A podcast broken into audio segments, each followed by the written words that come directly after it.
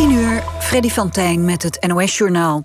De voorzitter van Omroep Ongehoord Nederland, Arnold Karskens... is vanmiddag bij het protest tegen de coronamaatregelen... op het Museumplein in Amsterdam meegenomen door de politie. Hij bevond zich tussen mensen die geen gehoor gaven... aan een bevel om te vertrekken. Het zou de politie niet duidelijk zijn geweest dat Karskens journalist is.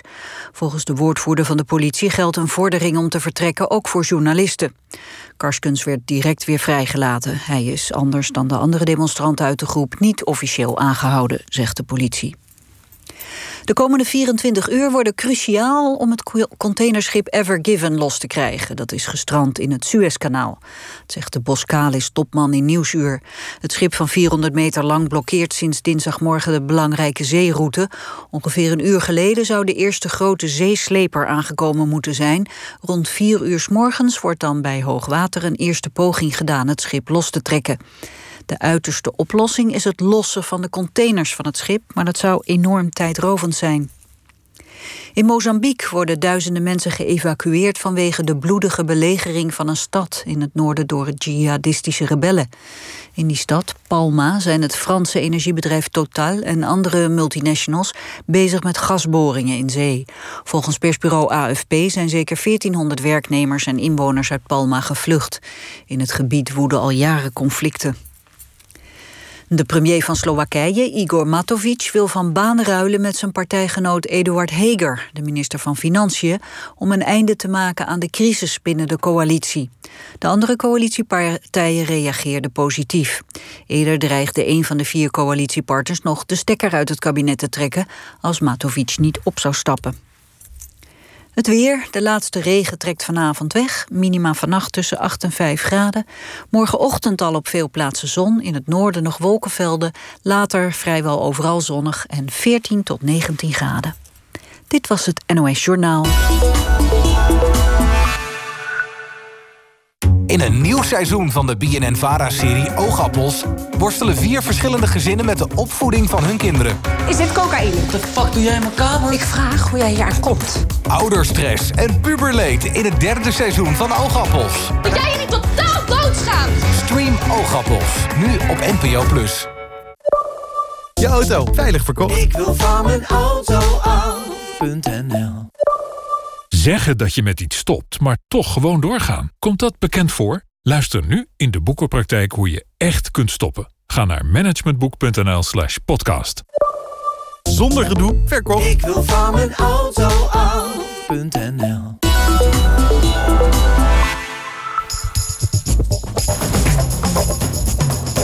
NOS, NOS, NOS Radio 1 Langs de lijn met Gert van het Hof. Goedenavond. Als we zeggen dat het Formule 1 seizoen veelbelovend is begonnen... dan is dat een understatement. Het was een spektakel in Bahrein. Max Verstappen kon Lewis Hamilton net niet verslaan... maar putte wel hoop uit zijn seizoenstart.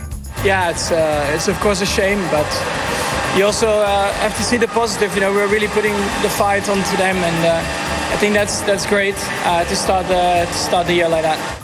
Straks een uitgebreide analyse. Marianne Vos heeft een imposante erelijst. Maar er ontbrak er nog eentje, Gent-Wevelgem. En die won ze vandaag. Maar er komt aan de linkerkant van de weg komt dan eh, Marianne Vos eh, opzetten. In dat eh, geel-zwart van Jumbo-Visma gaat Marianne Vos dan hier de overwinning pakken. Gaat zij dan doortrekken. Zij heeft de sterkste benen van allemaal. De rest komt er gewoon niet aan te pas. Geen voetbal in de eredivisie, maar wel een topper. Een niveautje lager. NAC, de Graafschap, Chris Wobbe. Een topper op papier, zeker NAC nummer 4. Graafschap nummer 2 in een beladen confrontatie in Breda. NAC doet uitstekende zaken, want het stijgt naar plek 3... op slechts twee puntjes afstand van nummer 2, de Graafschap. Koploper blijft Cambuur en ook Almere City FC nog volle bak in de race om promotie. Het mogen duidelijk zijn, NAC wist te winnen. Later vanavond hoort u reacties vanuit Breda. En wie stond er allemaal op de klantenlijst van de Spaanse dopingdokter Fuentes? Hij gaf een televisieinterview en correspondent Edwin Winkels die keek ernaar. Eerst maar die Formule 1. Het nieuwe seizoen is begonnen. En hoe een ultieme tweestrijd werd het. En uiteindelijk won niet Max Verstappen, maar Lewis Hamilton. Onze Formule 1-commentatoren op radio en televisie... bij de NOS Hans van Lozenoord en Louis Dekker. Goedenavond. Goedenavond. Goedenavond. Louis, Louis, heb je genoten van deze eerste Grand Prix? voor zover ik daar tijd voor had, ja zeker. Maar ik genoot ook al de afgelopen dagen, want we voelden dit aankomen. Hè? Ja, de, de spanning voelde je aankomen. En Hans, hoe heb jij uh, dit beleefd, deze gekke dag? Nou, ik vond het een prachtige machtsstrijd met een uh, directe confrontatie tussen de nummers 1 en 2. In welke volgorde, dat laat ik even in het midden. Waarbij de rest echt op grote achterstand is gereden. Een directe clash, zowel op tactisch gebied als ook um, op mentaal gebied. Laten we nog even luisteren. Finally we can get the season off and running. Five lights on. And it's lights out and away we go. Let's get down, let's get down to business. Give you one more night, one more night to get this. Comfortabel is het niet hoor. Verstappen leidt. De rondetijden zijn bijna identiek aan die van Hamilton. Bottas verliest wel een beetje terrein. There's definitely an issue. So better find it. You better fucking find it. Sorry. Dus er is iets met die auto aan de hand wat een terugkerend probleem is. Wie neemt het initiatief? Het is Hamilton. Die gaat als eerste naar binnen. Zodat hij bij de pitstops eerder op de baan komt dan Verstappen. Let's get down, let's get down to business. And Hamilton is starting to really struggle out there. Het is de Nederlander die inloopt op de Engelsman. We hebben nog vijf ronden te gaan. Max Verstappen coming his way. En de aanval van Verstappen op Hamilton is nu een kwestie van tijd. De heren gaan het met z'n tweeën oplossen. It is game on. Daar komt de aanval nummer 2 van Verstappen. Deze gaat wederom buiten. En deze lukt denk ik wel. Max Verstappen is ahead of Lewis Hamilton. De Red Bull buiten de piste. Dat kost je 5 seconden. Tenzij je de plek teruggeeft. I could have easily pulled this 5 seconds. Let's get down, let's get down to business. Wat een vuurwerk van dit tweetal die met kop en schouders boven de rest van het veld uitsteekt. He has been put under immense pressure by Max Verstappen and Red Bull here tonight. Sir Lewis Hamilton as he is now crosses the line and wins the Bahrain Grand Prix. Deze race had voor Hamilton geen ronde langer moeten duren. Maar het is een gouden overwinning voor de wereldkampioen. Ja, laten we er nog een keertje van voor naar achter doorheen gaan. Alle voortekenen voor Max Verstappen waren goed. Hij was in alle trainingssessies voor de race de snelste... en mocht ook starten vanaf uh, pole position. Dan denk je, daar ligt het in elk geval niet aan. Uh, Hans, was jij verbaasd dat het Verstappen niet lukte... om een wat ruimere voorsprong te pakken in het begin van de race? Ja, dat had hij misschien wel kunnen doen. Maar er is toch ook gezegd dat er wat problemen aan boord waren bij Verstappen. Hoewel ik nog niet precies heb gehoord wat dat dan zou zijn. En misschien dat dat daaraan gelegen heeft. Want ja, hij had toch tijdens de kwalificatie en ook tijdens de overige trainingen... had hij toch wel aardig wat over op Hamilton. Dus uh, een beetje meer afstand, ja, dat had ik wel verwacht. Ja, Mercedes en dus Hamilton is gewend om een leidende positie uh, te hebben. Nu hadden ze die niet. Uh, Louis, hoe gingen ze daarmee om? Ja, op zich prima. Maar die strategieën die zijn allemaal van tevoren uitgedokterd. Maar één ding is wel duidelijk. Als je Mercedes onder druk zet, gaan ze toch fouten maken. Het zijn net, net mensen. Dus uh, ze voelden zich gedwongen om hun pitstopstrategie aan te passen. Omdat ze door hadden hoe snel Verstappen was. Dat was zowel toen Verstappen de leider in de race was. Maar ook uh, achter Hamilton op een bepaald moment, toen Verstappen weer kwam opstomen... heeft Mercedes echt gedacht, hoe kunnen we die aanval pareren? Dus in plaats van de aanval die we gewend zijn van Mercedes... moesten ze vandaag verdedigen, reageren op de misschien wel snellere Red Bull. En dat hebben ze redelijk goed gedaan. Ze hebben ook fouten gemaakt. Ze hebben ook geluk gehad. Dat verzin ik allemaal niet zelf. Dat zegt de teambaas inmiddels twee uur na de race ook. Het was ook een beetje mazzel. Uh, maar ze stonden absoluut onder druk. En dat is de grote winst van vandaag. Ja, Louis, Want welke fout hebben ze dan gemaakt? onder druk. Ja, welke fout hebben ze dan gemaakt, Ja, bijvoorbeeld? Nou, kijk naar de, de pitstop van Bottas bijvoorbeeld. Ja, die verliest zeker. daar even zeven seconden. Omdat ze proberen op die manier de druk bij Max erop te zetten. Dat is falikant mislukt. Uh, Hamilton die vroeg naar binnen gaat. Omdat het team zegt, uh, dat moeten we nu doen. Anders gaat Verstappen toeslaan. En Hamilton die doodleuk op de radio zegt... ik had eigenlijk nog wel een paar ronden doorgewild. Nou, dat bleek ook. Die banden had hij echt nog tien, tien ronden op door kunnen gaan. Deed hij niet. Dus je merkt dat er gegokt wordt... dat die strategie ineens niet meer heilig is... omdat ze rekening met elkaar moeten houden. Maar ook rekening met Verstappen. En dat is heel wat anders hoor dan een gevecht Hamilton versus Bottas. Als er ineens een Red Bull bij komt. En wie weet komen er straks twee. Want Perez komt er ook aan. Ja, die was indrukwekkend. Eh, ondanks de pech die had uh, aan het begin van uh, de race. Eigenlijk nog voordat de race was begonnen. Um, Hans, dan, dan kun je zeggen dat Mercedes gedwongen de strategie moest aanpassen. Dat zijn ze niet gewend. Maar hoe reageerde Red Bull daarop? Deden ze dat op de juiste manier, vind je? Nou, ze hadden in ieder geval een eigen tactiek. Hoewel ik wel vind dat Red Bull uh, te lang wachtte met het naar binnen halen van Verstappen voor de eerste pitstop. Want uh, Hamilton was toch een aantal ronden ja, uh, een stuk sneller geweest. Ik denk dat de schade wat verder beperkt had kon, kunnen worden door Red Bull. Als Max Verstappen minimaal twee ronden eerder naar binnen was geweest. Dus het was, het was een tactisch spel. En, en, en dan moet je maar afwachten. Hoe gaat dat als, als ze allemaal twee bandenstops hebben gemaakt?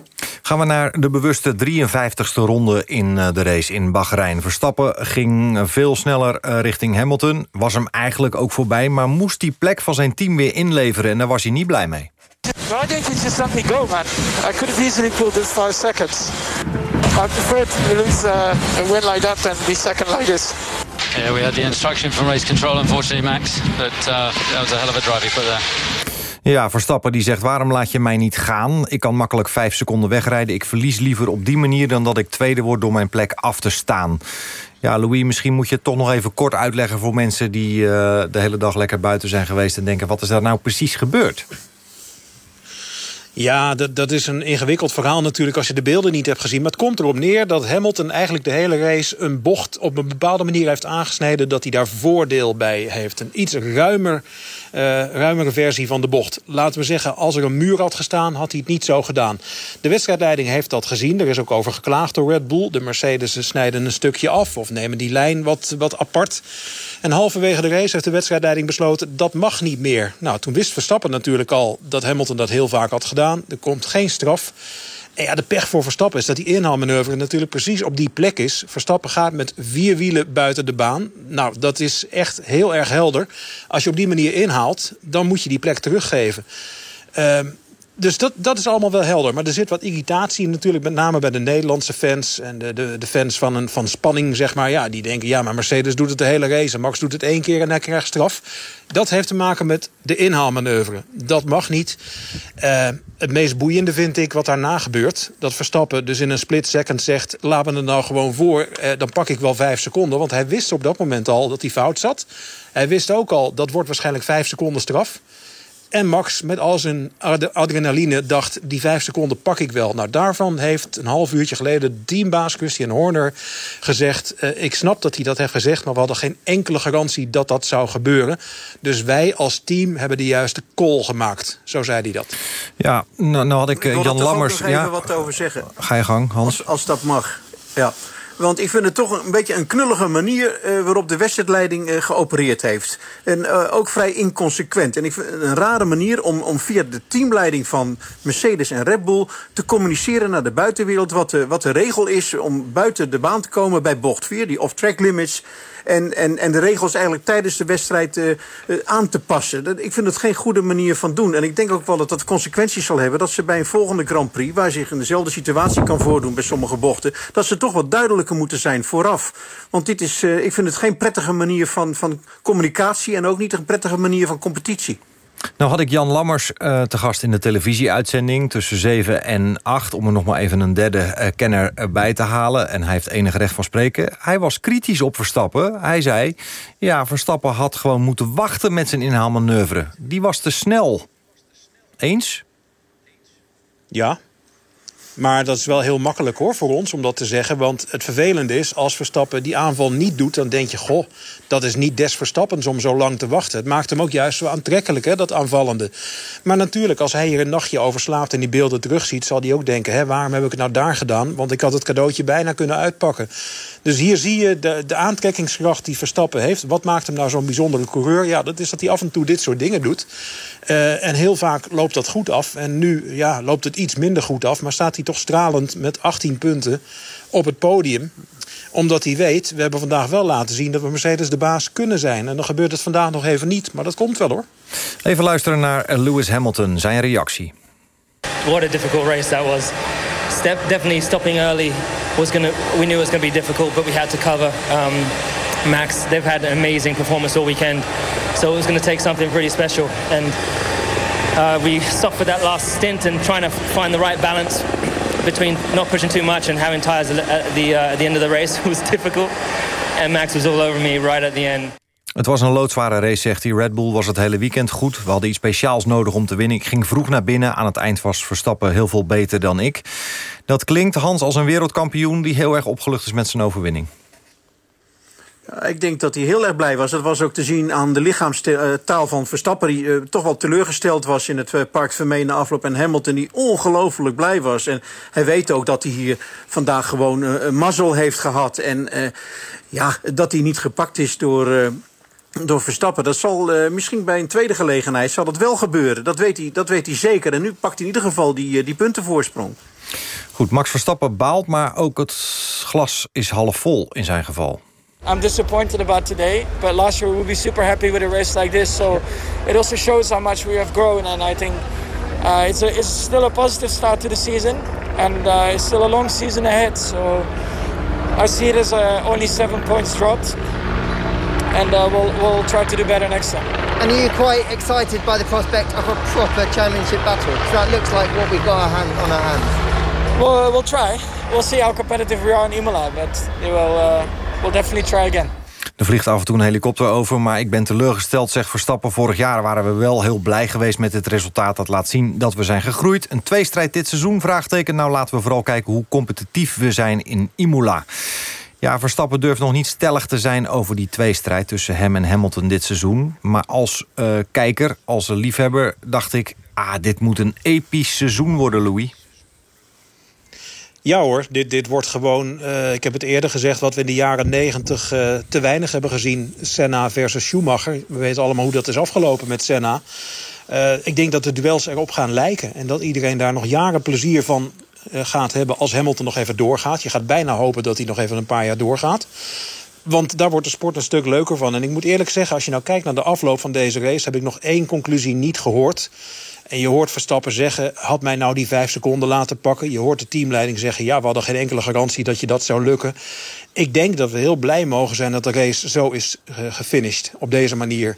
Want je moet er dan niet aan denken dat het seizoen start met een overwinning van Verstappen... die hem vervolgens wordt afgepakt omdat hij vijf seconden straf krijgt... terwijl hij 4,8 seconden voorsprong op Hamilton had. Dan had iedereen er zo'n enorme kater aan overgehouden. En met deze uitslag en deze krasverhouding heeft denk ik iedereen er wel vrede mee. Want we weten allemaal, Hamilton is te verslaan. En dat is toch eigenlijk wat we allemaal willen. Ja, en Hans, tot slot. Um, nou werd vaak gezegd, uh, als Verstappen de beste auto heeft, dan wint hij ook. Ik vond het wel mooi dat Hamilton erin slaagde om de deur dicht te houden in het laatste stukje. Ja, natuurlijk. Maar dat is de klasse van, uh, van de wereldkampioen. Want ja, daar wordt natuurlijk altijd geroepen... die Mercedes dit en die Mercedes dat. Ja, het zal wel, maar Hamilton is natuurlijk een klasbak van de, van de hoogste orde. En ja, als hij op een gegeven moment het karwei moet afmaken... of een klein trucje uit moet halen... want uh, dat hoor ik nou ook voorbij komen... van hij heeft toch uh, ervoor gezorgd door tempo iets te verlagen... dat de banden van Verstappen ook wat koeler werden... in die laatste, in die laatste fase van de wedstrijd. Dat is toch de pure klasse van Lewis Hamilton.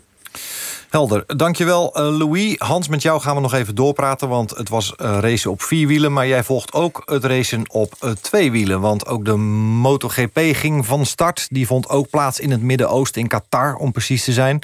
De Spanjaard Viñales was op zijn Yamaha de beste... voor Johan Zarco uit Frankrijk en de Italiaan Bagnaia. Het stukje sprint naar de finish. Meer op de tweede plaats. En daar komt de rode tandem. Daar komt de rode tandem van Zarco en Bagnaia. Ze vliegen er voorbij. En zo wordt Meer teruggeworpen naar de vierde plek. Op snelheid verslagen achter deze man. Vinales, de winnaar op Yamaha. Het was sowieso een ingewikkelde middag voor jou, Hans, of niet? Het was een ingewikkelde middag, maar ik ben wel blij dat we die middag gehad hebben. Want het seizoen is weer begonnen. Op, op, zoals je zelf al zegt, op vier wielen en op twee wielen. En het is zulke mooie sport. We hebben zo ongelooflijk veel spanning voorgeschoteld gekregen. In de Formule 1 met Verstappen en Hamilton, maar ook in de MotoGP. En dat, dat begon al in de, in de Moto3-race. gewonnen door Jaume Magia, een, een, een jonge Spanjaard. Voor Pedro Acosta, een ook een Spanjaard, maar een debutant in deze klasse. Die, wordt, die staat gewoon op het podium, die wordt tweede voor Darren Binder. Dat, dat was al behoorlijk spannend, want uh, we hadden gewoon een kopgroep van uh, acht man binnen een seconde. Dus uh, typisch Moto3 natuurlijk. En ja, Vinales wint toch wel verrassend die eerste Grand Prix. Want ja, de, de favoriet was toch misschien wel Jack Miller of eventueel Quartararo... die vorig jaar ook zo'n goede seizoenstart had. Nee, het was een, een prachtige race. Nou was uh, de, grote kampioen er niet bij, Marc Marquez... Uh, vanwege een blessure die hij vorig jaar uh, opliep. Wanneer zien we hem eigenlijk terug? Nou, ik hoop to toch dat hij, uh, dat hij binnenkort weer op de piste gaat verschijnen. Hij heeft al een aantal trainingen gedaan op de motor in Spanje en in Portugal. Hij is ook naar uh, Qatar geweest om daar een uh, vaccin te halen tegen COVID-19. Dus hij was wel van plan om te komen, mag je dan concluderen. Maar nee, zijn artsen hebben aangeraden, hem aangeraden om toch nog even te wachten. En misschien dat hij dan toch de derde Grand Prix of de vierde Grand Prix van de partij is. En dan kan hij maar één ding hopen. En dat is dat zijn puntenachterstand ten opzichte van de concurrentie niet, niet te ver is opgelopen. Want als hij terugkomt, ja, is hij in vorm? Dat weet je natuurlijk niet. Maar als hij een klein beetje van zijn oude vorm snel kan hervinden... dan uh, hebben we wel een, een, factor erbij. En laten we niet vergeten dat Honda hem heel hard nodig heeft. Hè? Want Vinales wint op Yamaha. Daarna komen in de Grand Prix van uh, Qatar vandaag... komen Zarco en Bagnaia. Die komen dan op Ducatis. Gewoon meer op de Suzuki, de wereldkampioen. Daarna weer een Yamaha. Daarna weer een Suzuki. En de Honda's zijn nergens te bekennen. Dus ja, ze hebben hem heel erg hard nodig. Zo, goed als Honda dus doet in de Formule 1... zo matig gaat het nog in de MotoGP. Um, je hebt de, de Moto 3 genoemd en we hebben de MotoGP besproken. Dan missen we nog Moto 2 met daarin...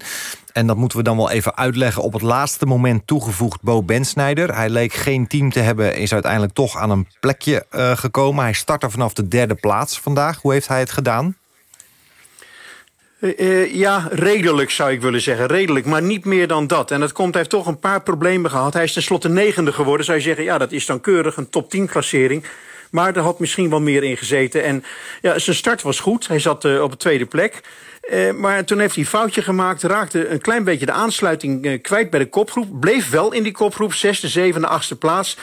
En uh, toen kreeg hij problemen, uh, met name aan het begin van de race... dat hij uh, met die volle tank... en dat probleem heeft bijvoorbeeld een Vinales... die vandaag de MotoGP-race heeft gewonnen... die had dat ook jarenlang, dat hij aan het begin van de race... de eerste paar ronden problemen had om tempo te maken... omdat die motor een stuk zwaarder is met een volle tank. En dan denk ik, ja, daar kun je toch op trainen. Dan zullen ze toch tijdens een vrije training van een Grand Prix... Ben Snijder is wat meer moeten laten rijden met die volle tank... zodat hij eraan kan wennen. Het tweede probleem wat hij had, dat was armpump. Dat is het oppompen van de spieren. Uh, tijdens het remmen met name gebeurt dat. is een, echt een kwaaltje wat heel veel motorcoureurs hebben. Daar had uh, Ben Snijder ook last van in de wedstrijd. Dus misschien dat hij er wat aan kan doen op een of andere manier... met extra fysiotherapie, trainen met een volle tank... en dan hopen dat hij toch wat naar die subtop kan toegroeien. Want dat hij snelle ronde kan draaien, dat hebben we in de training gezien. Starten met een halfvolle tank is zeker niet handig. Ja, je kunt het wel doen, maar dan zul je toch uh, halverwege ja. een pitstop moeten maken. En uh, ja, dat zit er niet in, hè? Dankjewel, Hans van Lozenoord. Heel goed, we hebben de Formule 1 en de MotoGP besproken. We gaan zo meteen fietsen op twee wielen. Dat gaat ook best hard. Dit is Madonna.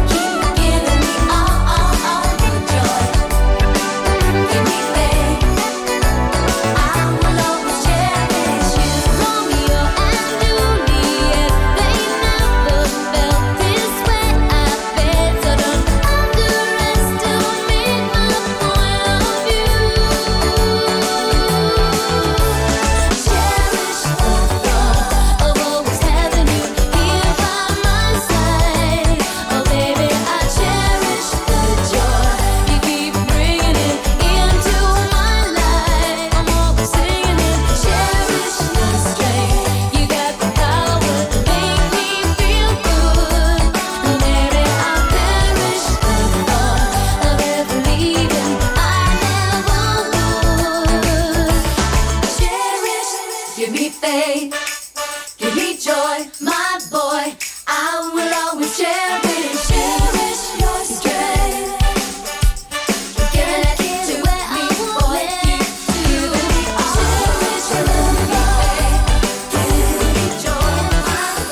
Hoe zou het eigenlijk met haar zijn, met eh, Madonna? Ik heb werkelijk waar eh, geen idee. Misschien wil ik het antwoord ook wel niet weten. De muziek van vroeger is misschien het beste om te doen, om te draaien. Dit was eh, Cherish van Madonna dus. Team Jumbo-Visma beleefde een goede dag bij de voorjaarsklassieker Gent-Wevelgem.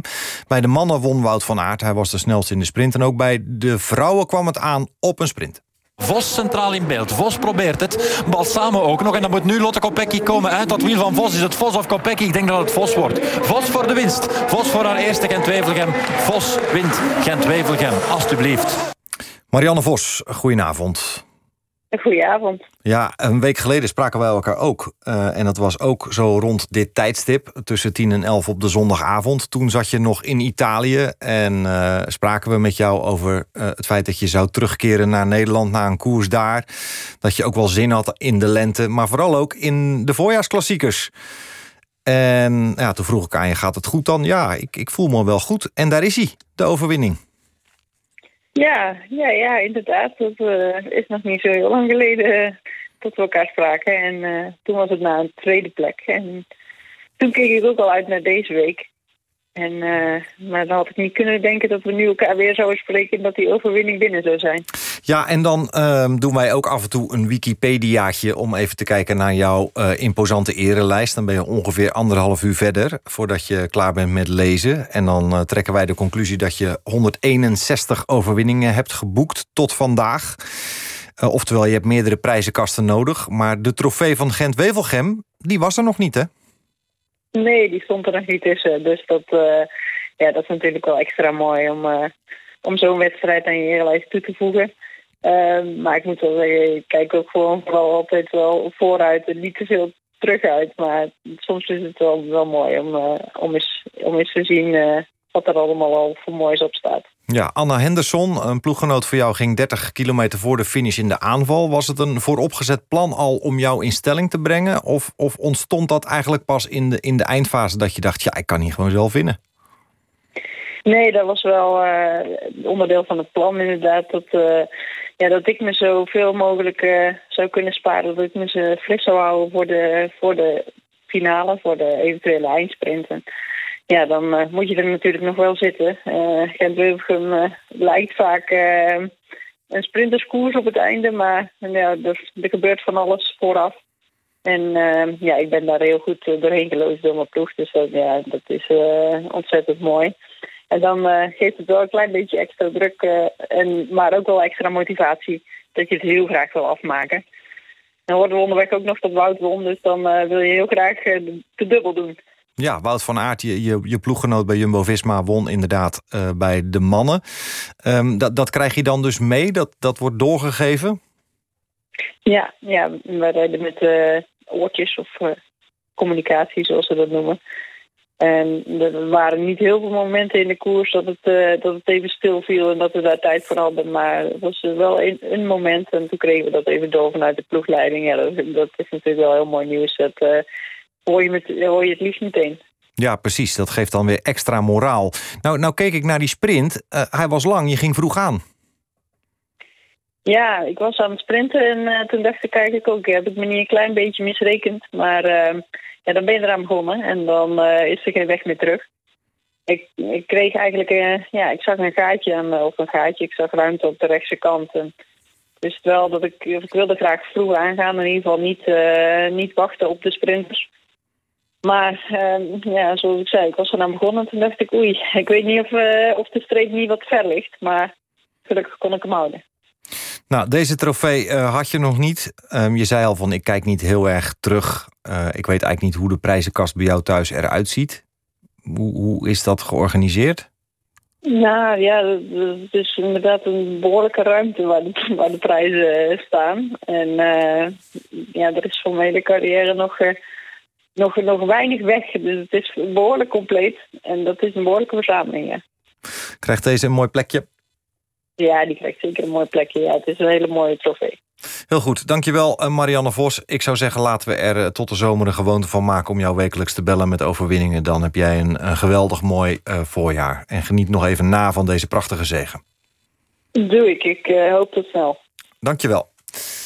Ja, het is een van de grootste mysteries in de sport. Welke namen staan er op de lijst van Operación Puerto? Een dopingzaak waar meer dan 200 sporters bij betrokken zouden zijn. Vanavond zou er mogelijk een tipje van de sluier worden opgelicht... want op Spaanse tv werd een documentaire uitgezonden... over de spil in deze zaak. Dat is de sportarts Fuentes. I went to see Fuentes at his office in Madrid the following spring. He looked more like a movie star than a doctor. A tall man in his mid 40s, light colored eyes, swept back hair, aviator glasses, linen suits, Italian loafers. Fuentes talked fast, moved fast. Ja, als ik dit zo hoor, dan krijg ik wel onmiddellijk zin om deze documentaire te zien. En Nou, Edwin Winkels, eh, onze correspondent in Spanje, die heeft gekeken. Edwin, goedenavond. Goedenavond, Geert. Was die eh, ook zo boeiend als dit eh, fragmentje eh, do- ons doet geloven? Het is nog bezig zelfs. Het is, het, het, is een interview met Fuentes. Die is niet in his mid-40s, zoals net gezegd wordt... maar eh, in de 60 en met pensioen. En daarvoor wilde hij dit enige interview nog geven. Maar hij zegt geen enkele naam. Eentje heeft hij er genoemd. En die zal in Nederland niet zo bekend zijn. Van iemand die, dan, die hij dan indirect beschuldigt van het gebruik van doping. En dat is een Spaanse atleet, Fermín Cacho. Die op de Olympische Spelen van 1992 in Barcelona de 1500 meter won. En een cliënt van hem zou zijn geweest. Eh, maar verder, nee, hij noemt alleen maar namen van sportbestuurders. Eh, waarmee hij contact heeft gehad. Maar eh, niks wat veel mensen verwachten van... hij gaat nu eindelijk, wat je zei, die sluier oplichten. Nee, hij heeft er nog een dikkere deken overheen gelegd eh, dan er al was. Toch even voor die mensen die denken van... ja, Fuentes, doping, eh klok, klepel. Hoe, zat het ook alweer? Wie, wie is hij en wat is Operación Puerto? Ja, Operation Puerto is een zaak uit 2006. Eh, eh, Fuentes was op dat moment... Hij is ooit... eh, hij was gynaecoloog. eh, is toen via het wielrennen in de, en de atle- atletiek in de sport terechtgekomen. En werd onder andere arts van de, van de, ploeg, de Spaanse ploeg Kelme. En op een gegeven moment kwamen heel veel wielrenners kwamen bij hem terecht. Spanje had een vrij lakse dopingwetgeving tot die tijd. Het was niet strafbaar, hè? vlogen naar, naar Spanje. Sorry? Het, was, was helemaal niet strafbaar. strafbaar, Dus nee. hij is dus ook... Hij is ook nooit veroordeeld, dat zegt hij ook in het interview. Ja, ik ben beschuldigd van een delict. Hij werd aanvankelijk veroordeeld en daarna door het eh, in hoger beroep vrijgesproken. Maar eh, ja, mannen bijvoorbeeld als, als Lance Armstrong... Die, die, die, die wilde dicht bij Spanje wonen, of zelfs in Spanje in Girona... omdat het allemaal wat, wat makkelijker was. En eh, ja, Fuentes was de man van de, van de bloeddoping... waar heel veel sporters uit allerlei sporten eh, bloed afgaven. Hij sloeg het op. En als ze het nodig hadden, dan werd het bij hun terugbezorgd. eh, vlak voor de competitie of zelfs tijdens de wedstrijden waar ze mee bezig waren. Zodat ze vers bloed hadden, daardoor minder vermoeid zouden raken tijdens eh, hun wedstrijden. En daar was hij be- bekend om. Maar hij is nooit in situ, hij is nooit echt betrapt. En, en is dus ook, ook nooit veroordeeld. Nee, dan is die documentaire groots aangekondigd. Hij zou zaken gaan opbiechten. Eh, da- da- dan is het tot nu toe teleurstellend, als ik je goed, goed beluister. Ja, maar dat. Ja, ik, ik, ik, ik ken hem eh, en dat weet je vooraf. Eh, natuurlijk, als je een interview hebt opgenomen met iemand die bijna nooit een interview geeft. Zijn laatste was iets van tien jaar geleden. Eh, en, dat, en het is echt een, een eh, Jordi Evelen, een, een bekende interviewer hier in, in Spanje. Noem hem de Jeroen Pauw bijvoorbeeld van, van Spanje. En die zou wel dingen naar boven krijgen, maar ook die stuit op... net echt vijf minuten geleden zeggen ze tegen elkaar... de interviewer zegt me, wat een theater, Eufemiano, de Eufemiano Fuentes. En de dokter antwoordt, ja, ik ben goed in, maar jij ook. En ja, dat is het. Het interview is eigenlijk een groot theater geweest... waarin hij, eh, hij wil veranderen, hij is nooit veroordeeld... en wat hij ook niet wil, is door nu het noemen van namen... om aangeklaagd te worden door sporters eh, eh, of artsen... eh, eh, zonder dat hij bewijs tegen hen heeft. Dus eh, ja, denkt hij van ik hou mijn mond stil, ik laat wat dingetjes los. Hij heeft een beetje nu wat vaag gedaan over zijn contact met Real Madrid, over FC Barcelona bijvoorbeeld. Hè. Dus er ging ook de verhalen over hoe ver hij in het voetbal zat. Over Barcelona zei hij ja, ik had graag voor hen gewerkt, maar zij wilden mij niet hebben. We hebben wel contact gehad. Eh, en een paar voetbalclubs uit de tweede divisie, daar heeft hij wel voor gewerkt en dat was al bekend. Maar er is eigenlijk niks meer bekend wat ze door de rechtszaken en, en eerder Ja, de, de verbinding eh, hapert. Eh, z- zoals u merkt, we doen een eh, voorzichtige poging om dat eh, eh, te fixen. Maar het, het- klinkt alsof we daar niet heel veel aan kunnen doen. We gaan toch nog een poging wagen. Hebben veel sporters wel met samengeknepen billen gezeten eigenlijk eh, tot dit moment, eh? Edwin? Ja. Nee, het is eh, helaas eh, niet goed genoeg om het, eh, om het gesprek af te maken. Maar goed, de, de kern is ons wel duidelijk geworden. Er was dus een interview, dat is zelfs nog gaande... met de befaamde, beruchte sportarts Fuentes in Spanje... op televisie in een documentaire uitgezonden. En nou, vooralsnog zijn er geen namen genoemd van bijvoorbeeld renners... die bij hem op bezoek gingen voor bloeddoping. Goed, eh, mocht er nog iets geks eh, gemeld worden... en wij toch weer een afdoende verbinding hebben met Edwin... dan meldt hij zich weer voor de klok van 11 uur. Dan gaan we verder met het Nederlands elftal. Daar is de blik naar de 2-0 zege van gisteren op Letland... alweer gericht op de volgende tegenstander in de WK-kwalificatiereeks. Dinsdag speelt Oranje een uitwedstrijd tegen Gibraltar. Dat is de nummer 195 van de FIFA-ranglijst. Correspondent Rob Zoutberg ging alvast langs in Gibraltar... om te horen hoe die wedstrijd daar leeft. You're gonna record the football. for the football? Yeah, for the Hol- Gibraltar Holland. Yeah, Gibraltar Holland. Ah, okay. Yeah. So who's going to win? Draw. Lucky for us. Politiemensen die komen vragen wat we aan het doen zijn op de landingsbaan naast het voetbalstadion van Gibraltar. Ik leg uit dat we hier zijn vanwege de nu al legendarische voetbalwedstrijd Gibraltar-Nederland. Ik zeg good luck. En die politieman zegt hier, yeah, yeah, we need it. Dat hebben we wel nodig. Yeah, yeah, we read it. At least we have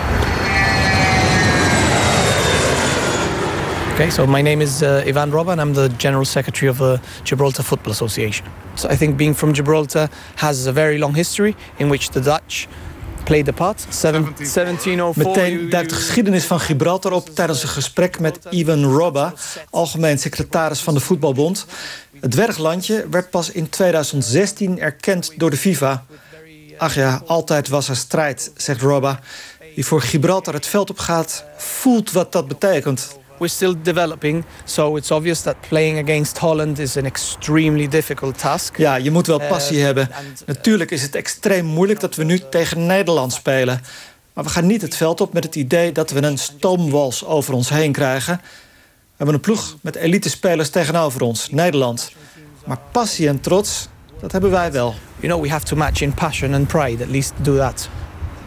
Loop toch even over de middenstip van Gibraltar met de rots op de achtergrond. Even de geschiedenis erbij, want dat maakt het toch wel bijzonder. 1704, de successieoorlog. Zo'n historisch moment veroveren Britten en Nederlanders Gibraltar. Pakken het van de Spanjaarden af. Tegenwoordig wonen hier 33.000 mensen. Net zoveel inwoners dus als Meppel. Nog iets anders wat het bijzonder maakt. De wedstrijd die Nederland en Gibraltar straks spelen. Voor het eerst zullen hier ook honderden toeschouwers op de tribune zitten. Het wordt daarmee ook weer een soort coronaproef om te zien hoe dat dan weer verloopt. Uh, my name's Scott Wiseman. I play for Lincoln Red Imps in Gibraltar. Um, and I'm a defender. Scott Wiseman, verdediger hier van het nationale team. Die inderdaad vertelt dat je dus tijdens sommige wedstrijden vliegtuigen landen. Dat er zoveel herrie komt dat je eh, de overkant van het veld niet meer kan horen. Hoe, hoe zou je de geest hier van het voetbal eh, willen noemen op Gibraltar? The spirit is family and friends, and everybody together as one. Everybody, Familie, vrienden. Ja. every, yes, family friendly. Everybody's got together. Everybody's grown up together. Everybody knows each other's families. Het is, het is echt voetballen binnen een kleine gemeenschap. gemeenschap van vrienden, van familie. Iets dus wat je met elkaar doet. Dat gevoel dat je met elkaar aan het spelen bent... en ook aan het genieten dus bent van voetbal. Granddads, grandmas, aunts, uncles, everybody's together. And since I came over here, it's been part of that. I was welcomed into that from, from the minute I came here. This is a song for the Dutch football team. Hooray!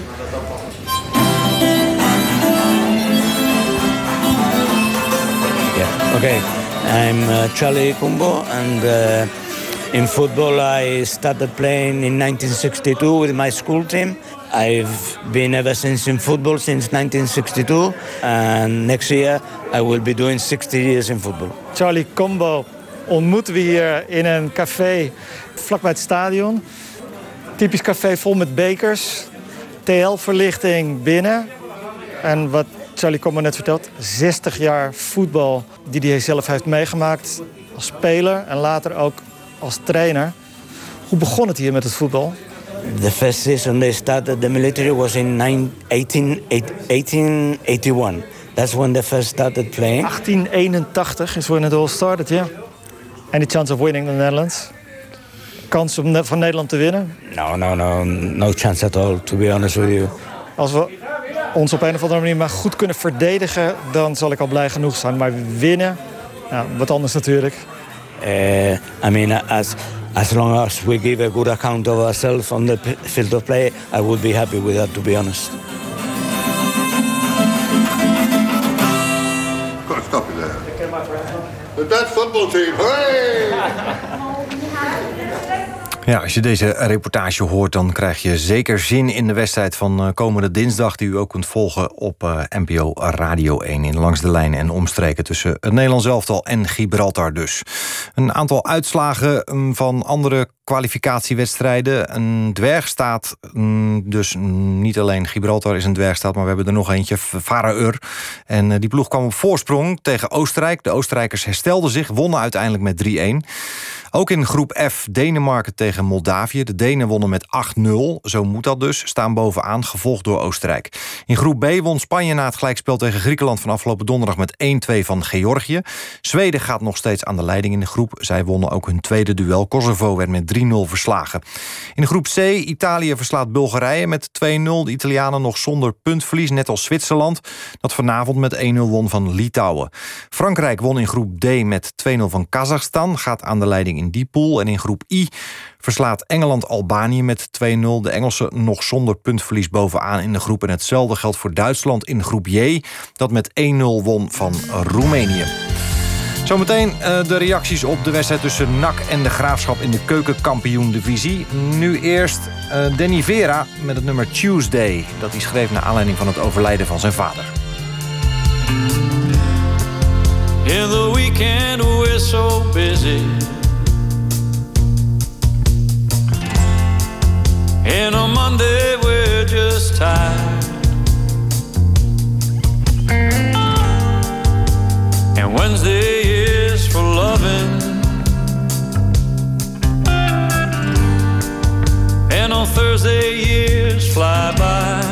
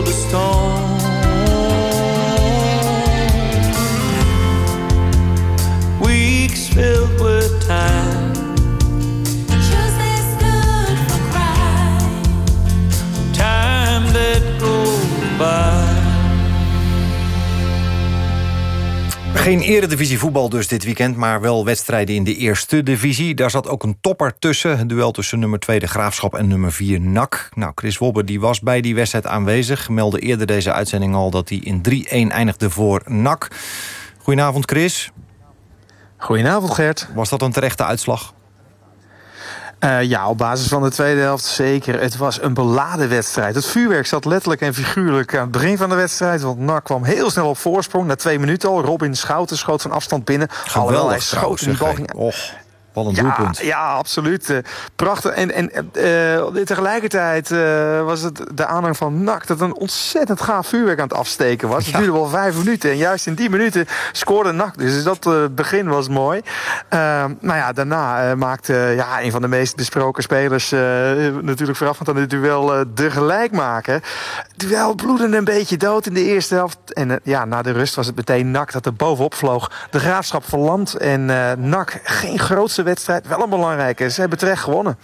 Ja, je, je zegt van de, de meest besproken man maakte de gelijkmaker. Dat is Ralf Seuntjes. Hè. Die speelt nu nog voor de Graafschap. Volgend seizoen voor een NAC. En die overstap leidde tot veel boosheid bij de fans van de Graafschap. Maar hij scoorde dus wel vandaag. Ik probeer altijd te scoren en eh, nou, ik denk dat ik vandaag gewoon eh, wel een prima pot heb gespeeld. Alleen eh, we krijgen de goals heel, heel lullig tegen en eh, dat is kloten. En eh, ja, ook binnen vijf minuten eh, de eerste helft en de tweede helft, ja.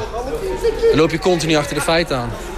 Ja, toen konden jullie het niet meer omdraaien, met name die tweede helft. Nou ja, de eerste helft daarna die goal.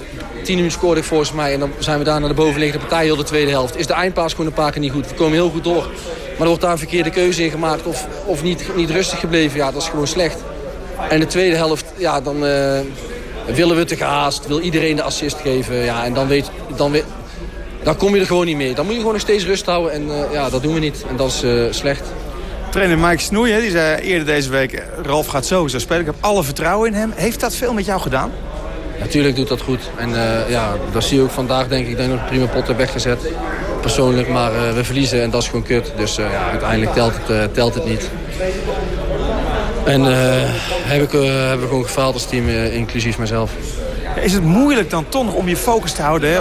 NAC is natuurlijk jouw komende werkgever. Je droomt natuurlijk, neem ik aan, van de eredivisie. Je speelt voor de graafschap. Er is, er is veel met jou gebeurd. Is het dan lastig om je af te sluiten voor al die randzaken?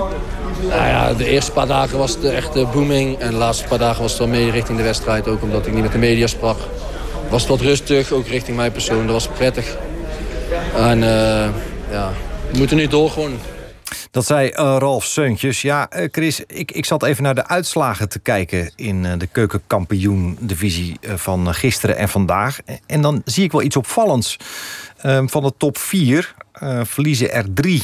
Uh, Cambuur eh, gaat onderuit eh, op bezoek bij Rode JC met 3-1. Gisteren al, of eergisteren al, Almere City met 2-0 klop van eh, MVV. En nu wint dus NAC van de Graafschap. Ik dacht lange tijd van ja, het is, het is wel gedaan in de keukenkampioen-divisie. Nu heeft Cambuur wel een, een fikse voorsprong, hè, maar het, het lijkt toch nog een beetje spannend te worden.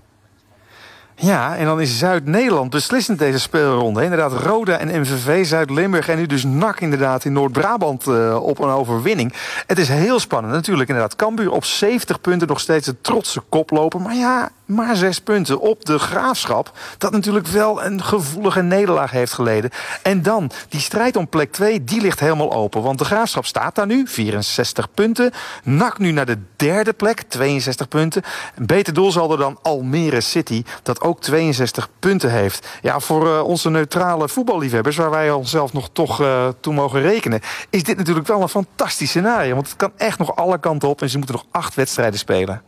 Ja, en, en dan is het een beetje rommelig geweest eh, in de duck-out van NAC, volgens mij vandaag. Want de, de hoofdcoach Maurice Stijn was geschorst.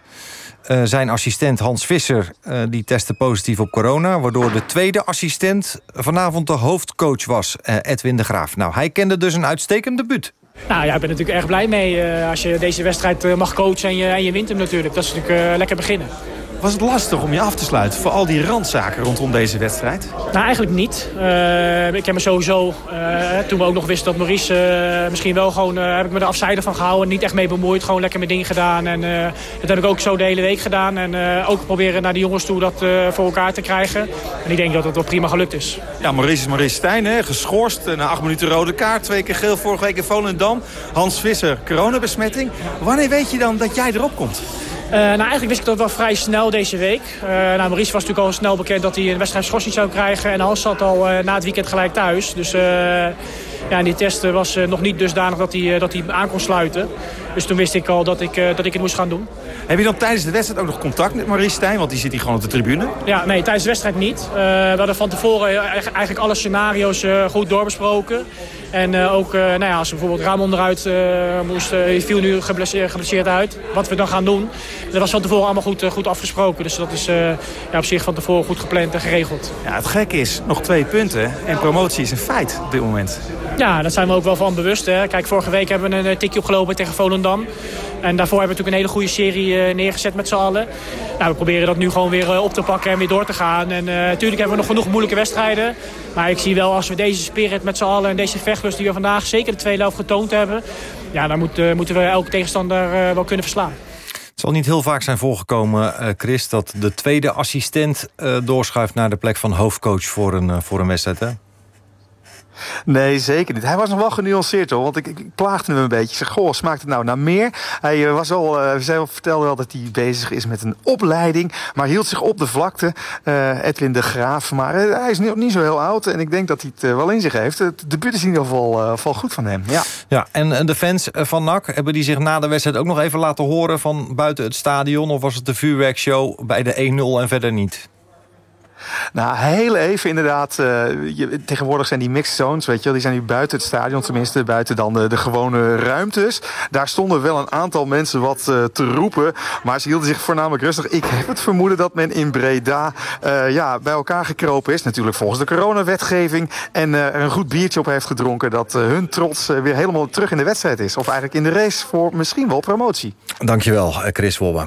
Sluiten we af met parasnowboardster Bibian Mentel. Zij strijdt al meer dan 20 jaar tegen kanker. Altijd bleef ze positief en is een inspiratiebron voor velen. Onlangs kreeg de drievoudig uh, Paralympisch kampioen te horen... dat ze ongeneeslijk ziek is. Een uitzaaiing in haar hersenen zorgt ervoor dat ze bezig is... aan de laatste fase van haar leven. Ze probeert nog steeds te inspireren... hoe uitzichtloos de situatie voor Mental ook is.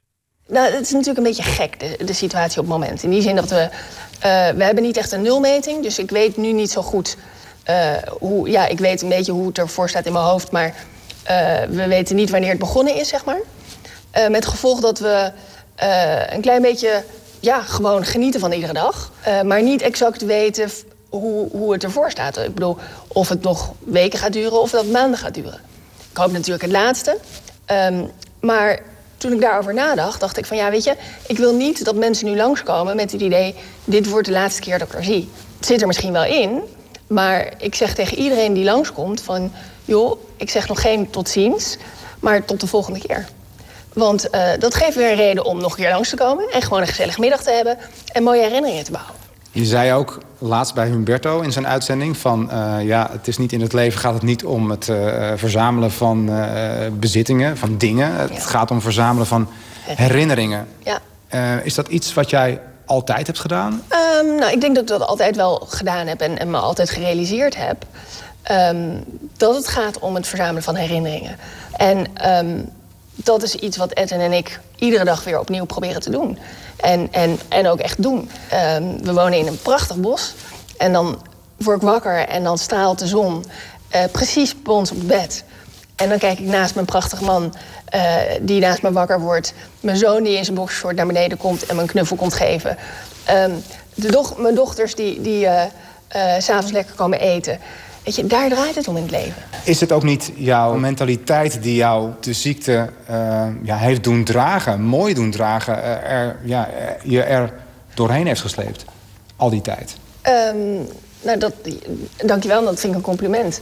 Ehm, ja, weet je, voor mij is het de manier die goed voor mij is. En ik wil helemaal niet zeggen dat dat misschien voor iedereen zo is. Want ehm, eh, ja, de een gaat er op de ene manier mee om en de ander op de andere manier. Eh, maar dit was voor mij de manier waarop ik het voor mezelf en voor mijn gezin, denk ik... en mijn liefde, eh, geliefde om mij heen draagzaam heeft, heeft gemaakt. En voor mij goed voelt. En ehm, ja, tuurlijk zou, zou ik er nog li- liever veel langer hier zijn. Maar aan de andere kant weet ik ook dat het goed is. Ik bedoel, we hebben drie prachtige kinderen die eh, volwassen zijn en, en opgegroeid zijn tot hele mooie mensen. En, en ehm, het is oké. Er, er is niets wat nog ontbreekt of zo. En eh, eh, met gevolg eigenlijk dat we nu alleen maar genieten. En, en dat klinkt allemaal zo idealistisch en soft misschien. Maar zo is het eigenlijk wel een beetje. En, en wil niet zeggen dat ik klaar ben om, om morgen al eruit te stappen. Nee, helemaal niet. Want het liefst... eh, nou ja, we hebben, van de week heb ik eh, de agenda met een vriendin doorgenomen. Toen kwamen we erachter dat ik tot het eind van het jaar nog zeker niet dood kan gaan. Want we hebben nog veel te veel stippen op die horizon staan. Ehm, dus ehm, wat mij betreft eh, ben ik er nog wel even. Maar het is ook oké. Ik bedoel, alles is gezegd. En, en ja, het is oké. De dappere, eh, prachtige, inspirerende sportvrouw Bibian Mentel... werd geïnterviewd door collega Edwin Peek. Zometeen het oog op morgen. Wij melden ons morgen half tien. Dag.